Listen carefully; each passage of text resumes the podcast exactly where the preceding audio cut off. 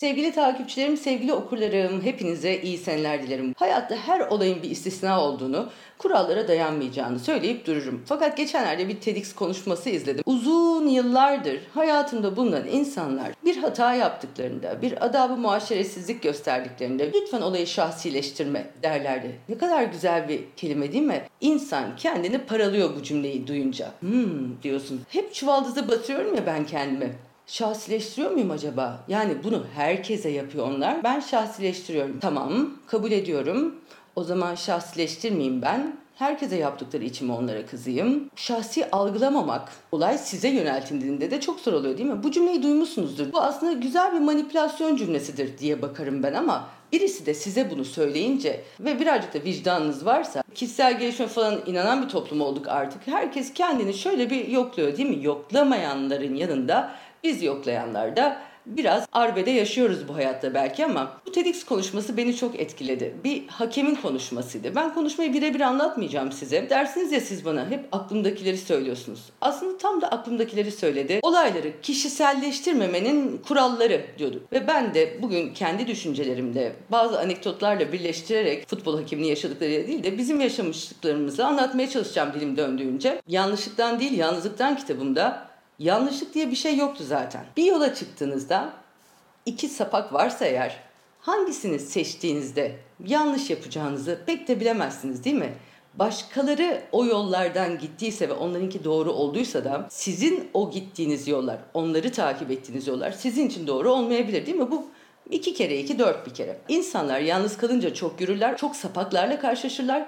Yanlış sapakları seçme ihtimalleri de bu yüzden fazlalaşır. Yerinden kıpırdamadığı için doğru yaptığı sanılanlarla yani yanlışla karşılaşmayanlarla kendilerini kıyaslayıp üzülmesinler demiştim. Ve bu yüzden hayatın iki ihtimalli sonuçlarını yaşıyoruz. Bu kitapta biraz daha geliştirdim bu düşünceyi ve hayatta hiç kural olmadığını söyledim. Ama şimdi size tek kuralla hatta iki kuralla olayları kişiselleştirmemenin yolunu anlatacağım. Kişiselleştirme nedir aslında? Amiyane tabiriyle alınganlıktır bu değil mi? Siz bir şey anlatıyorsunuz ve birisi bakışlarını kaçırıyordur. Telefonuyla oynuyordur. Sıkılmış gibi yapıyordur. Esniyordur. Ve dersiniz ki sıkıldın mı? Neden böylesin? Neden böyle yaptın? Ben seni sıktım mı dersiniz. O da der ki lütfen şahsi algılama. Akşam saat 10'dan sonra peri padişahın oğlu gelse dinleyemiyorum. O yüzden böyleyim. Herkese böyleyim ben. Herkese sen sakın şahsi algılama der. Yaptığı yanlış da olsa şahsi algılamak kötü bir şeydir. Böyle bir uyarı da insanın kendine dönmesine sebebiyet verir ve o kişi yaptığı şey için belki çok üzgün değildir ama siz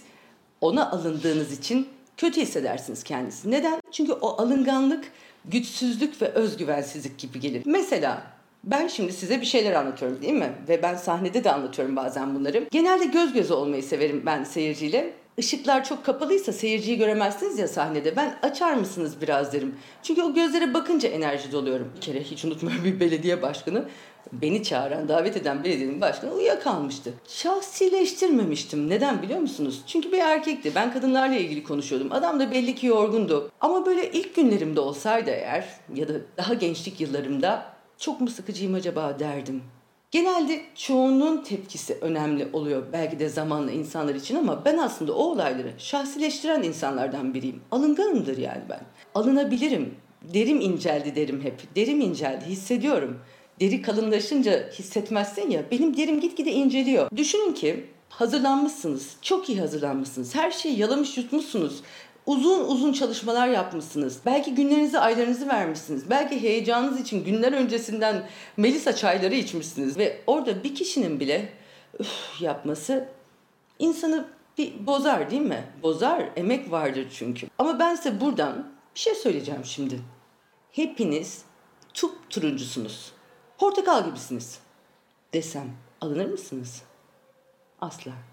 Hepiniz mavisiniz desem yine alınmazsınız. Hepiniz uzaylısınız desem, hepiniz vatan hainisiniz desem alınır mısınız? Alınmazsınız.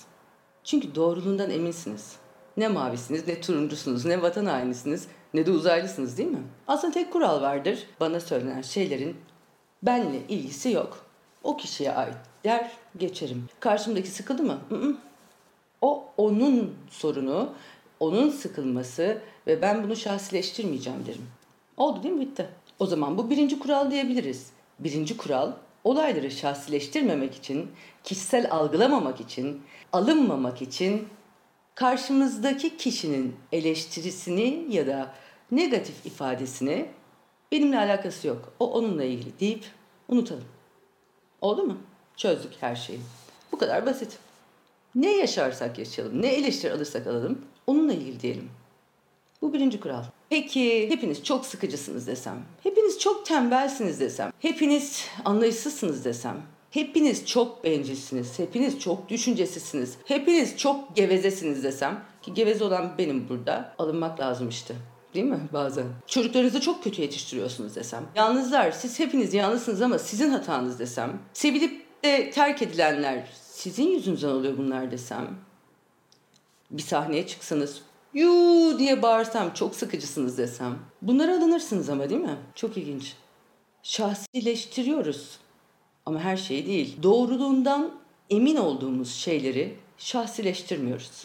Doğruluğundan eminiz. Biz mavi değiliz. Peki onlara niye alınıyorsunuz da mavi olduğunuzu söyleyince ben alınmıyorsunuz? Hiç düşündünüz mü? İkinci kurala geliyorum işte. O kuralı yok eden kural. Bazen de size bir eleştiri yapıldığında olayları kişiselleştirme dense bile size o eleştiriyi almak gerekiyor. Çünkü yazı ve tura, hakem böyle demişti bakın. Yazı ve tura var hayatta. Ben de hep yüzde elli ihtimalli sonuçlar diyorum. Metaforum yok çünkü burada. Hakeminkini kullanacağım artık. Yazı ve tura hayat. O olayı kişiselleştirmediğinizde içiniz rahat olabilir.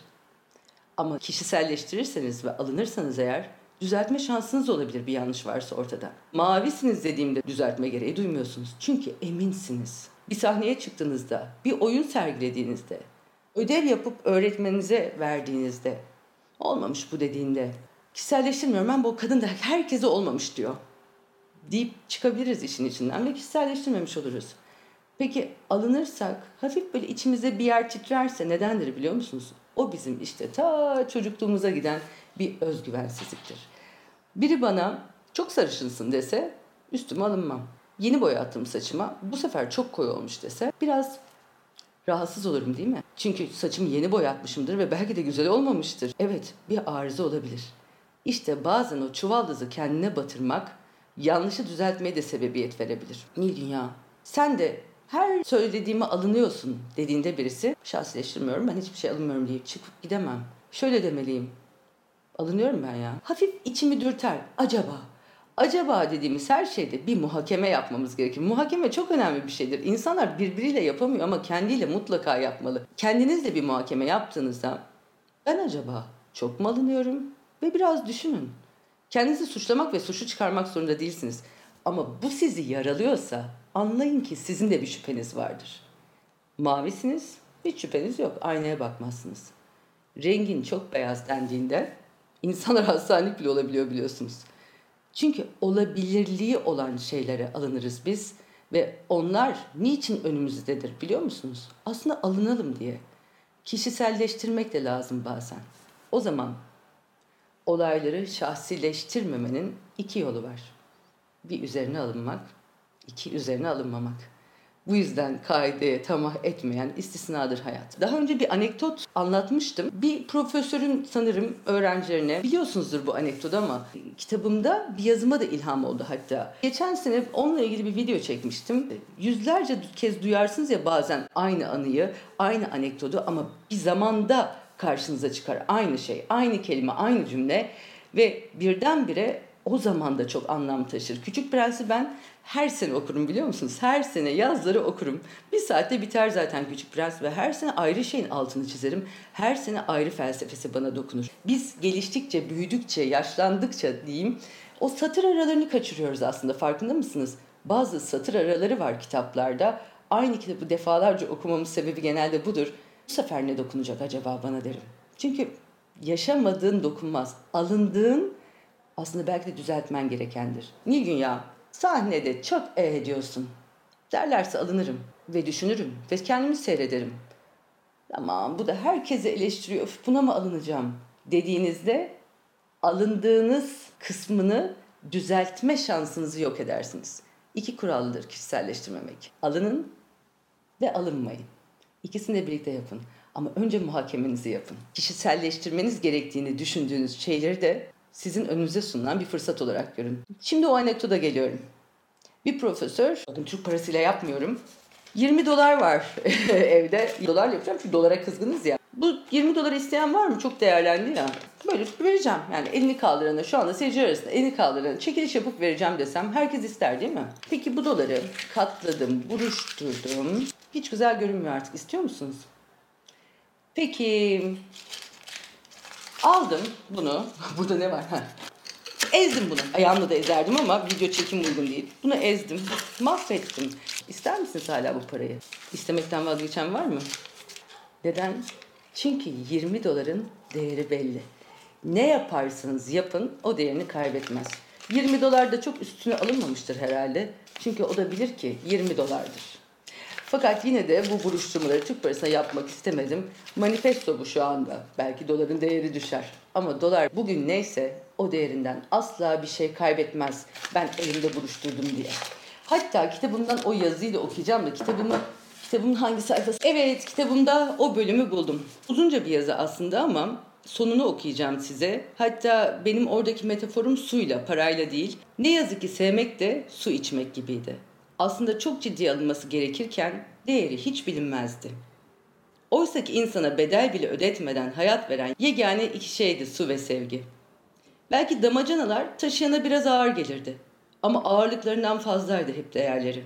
Sadece bedel ödetmediklerinden ciddi alınmazlardı. Kanıksanırlardı. Sadece ödeme beklemedikleri için değersiz sanılırlardı. Oysa ki onlar bir diğerine hayat vermeye çalışmaktan başka hiçbir şey düşünmüyorlardı. Görevleri ağırdı. Cana can katmakla uğraşıyorlardı. Vazgeçilmez olduklarını asla başa kalkmıyorlardı. Ucuz ya da değersiz değillerdi. Sadece çok meşgullerdi. Bedel ödetmediği için değeri bilinmeyenlerdir işte su gibiler, sevmeyi bilenler.'' Değerli bir şey ise değerini asla kaybetmez zaten. Altın gibi, elmas gibi, yakut gibi, dürüst, adaletli, çalışkan, vicdan ve merhamet sahibi insanlar gibi. Birileri iter, hırpalar, ezer. Yere düşer, haksızlığa uğrar, çaresizce çamurlara bulanırlar. Ancak hiçbir zaman yok edilemezler. Kirlenseler de değerlerinden hiçbir şey kaybetmezler. Bu nedenle Çamurlarla da kaplansa eliniz, yüzünüz, ayağınız kirli ama değerlisinizdir. Bir su tutulsa üzerinize akar gider kiriniz ama hiç kaybolmaz değeriniz. Çamurlar içinde bile ışıldar güzelliğiniz. Ya her gün sizi yıkadıkları halde hiç temizlenemeseydiniz? İşte böyle kitabıma ilham veren anekdot bu oldu. Burada 20 doları heder ettim ama isteyen mutlaka olacaktır ve değerini bulacaktır. Değerini de karşılığını alacaktır. Diyeceğim o ki her daim çuvaldızı batıranlara söylüyorum benim gibi biraz iğneyi batıralım kendimize. Kendini alıngan hisseden varsa, çok alıngan olduğunu düşünen varsa, birileri aman çok kişiselleştiriyorsun diyorsa onlara önce şunu yapın. Onunla ilgisi olabileceğini düşünün. Üzerinize almayın. Ama hemen ardından da şunu yapın. Hmm, ya benimle ilgiliyse oraya kızmayı bırakıp kendinizi düzeltmeye bakın. Eğer ki söylediği şey hiç sizinle ilgili değilse o zaman alının. Sizinle ilgili değilse ve bu onun kişilik yapısıysa muhakemenizi yapın. Ya alınmayın ya da alının. Ama ikisinden de doğrusunu yapmaya çalışın. Unutmayın ki alındığınız şey mavi olmadığınız kadar net ve belli olmayan bir tarafınızdır. Lütfen onu yontun, düzeltin, kütleştirin, matlaştırın, bir şeyler yapın ya da parlatın, cilalayın. Ama çamurlara bile atsalar o tarafınızı siz o taraftan emin olun ki o şahsileştirmenin yükünü üzerinize almayın. Hepinizi öpüyorum tek kural mı, iki kural mı, beş kural mı bilmiyorum ama neye ne zaman alınacağını bilmesi gereken insanlarız. Hiçbir şey takmıyorum. Bir kulağımdan giriyor, öbür kulağımdan çıkıyor mottosuyla yaşamaya devam edersek eğer biz de bu dünyadan yere düşen bir paradan, çamurlara bulunan bir paradan çok daha değersiz bir şekilde ayrılır gideriz. Çamurun kendisi oluruz belki de değil mi? Ve hiç temizlenemeyiz.